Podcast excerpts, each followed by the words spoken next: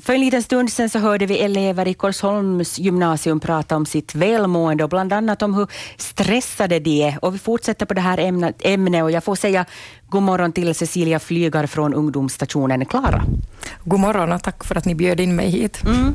Vi har berättat om alltså behovet av skolpsykologer och att det här behovet är stort. Hur har ni märkt av det här på, på ungdomsstationen Klara? Nu, vi märker det ganska tydligt att trycket är jättestort nu hos oss, att vi har aldrig haft så här många klienter som vi just nu har. Och, och ni har ju nämnt Korsholm här tidigare och, och de har varit mycket nu på tapeten och, och därifrån märker vi ett stort behov. Så många av era klienter kommer från just Korsholm? Ja. Mm. Nå, vad behöver de ungdomar som kommer till er? Vad, vad behöver de för, för typ av hjälp? Nå, de flesta kanske behöver bara någon som lyssnar, att de får prata av sig. Det som vi har att erbjuda är ju stödsamtal, individuella stödsamtal, men sen också familjeträffar och vi är också med på nätverksträffar, till exempel i skolor eller med socialarbetare. De flesta ungdomar nu använder ordet ångest, att de kommer in för det. Så då försöker vi bena ut varifrån den där ångesten kommer. Men sen också en stor stress och press som de mår dåligt av och har svårt att hantera.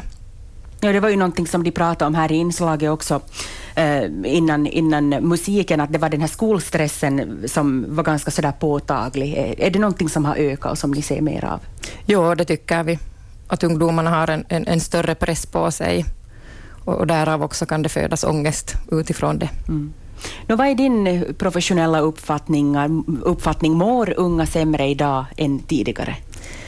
Det här har vi diskuterat väldigt mycket nu på, på senaste tid på jobbet och kommit fram till att nej, de mår inte sämre faktiskt inte, fast många tror det och trycket är, är större än vad det, vad det någonsin har varit. Men, men vi tror att det är mycket lättare nu för tiden att söka hjälp. Det är inte alls lika tabubelagt att prata om ångest och depression och, och så vidare. Att, men det som vi har märkt är att, att ungdomar idag kanske har svårare att hantera sina känslor än vad man tidigare har haft det.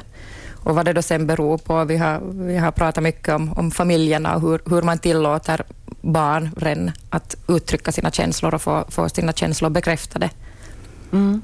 För att vi har alltså blivit bättre på att, att våga ta kontakt, men sen ändå så är det någonting där, där som går fel innan det med att, med att uttrycka vad ja, det är som att, är fel. Att, att sen när, när känslorna blir så starka, mm. då vet man inte vad gör man med dem då, om man inte har fått dem bekräftade redan som små. Just det.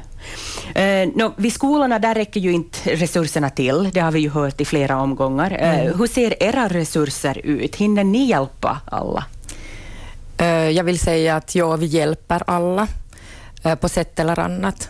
Att vi kan också hänvisa dem vidare om, det, om problemen. Att vi ser att problemen är så stora än vid telefonsamtalet så kan man hänvisa vidare antingen till egen hälsocentral eller akuten eller, eller någon kristelefon. Mm. Men vi har också ett, ett joursystem dagligen där hos oss, att, att de ungdomar som kommer in genom dörren så får chans att genast prata med någon, så på det sättet så hinner vi nog med. Men kötiden är kanske lite längre nu än vad den brukar vara. Är det mest flickor som söker hjälp eller är det pojkar eller 50-50? Nästan 50-50 börjar det vara faktiskt. Lite större andel nog flickor ännu, men, är det men samma, inte så stor skillnad. Mm. Är det samma typ av problem som de upplever?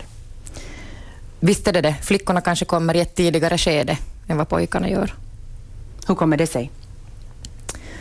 Ja, jag vill inte dra någon skillnad på, på, på könsrollerna, men, men, flickorna har kanske lite lättare att, att tidigare börja prata om hur de mår.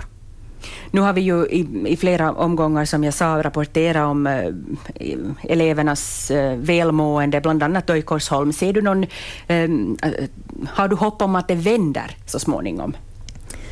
Vänder att de ska börja må bättre? Eller? Ja, att det inte skulle vara så en stor andel äh, elever som skulle må så pass dåligt.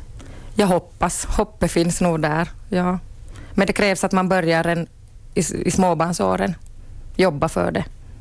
Vad är det man ska tänka på som föräldrar, föräldrar just i, i de här avgörande småbarnsåren? Mm. Att äh, bekräfta barnet, bekräfta alla deras känslor. Det är okej att vara ledsen och arg och sen kanske lotsa dem att hur, hur var det okej okay när man är arg och vad är okej okay när man är ledsen. Och, ja.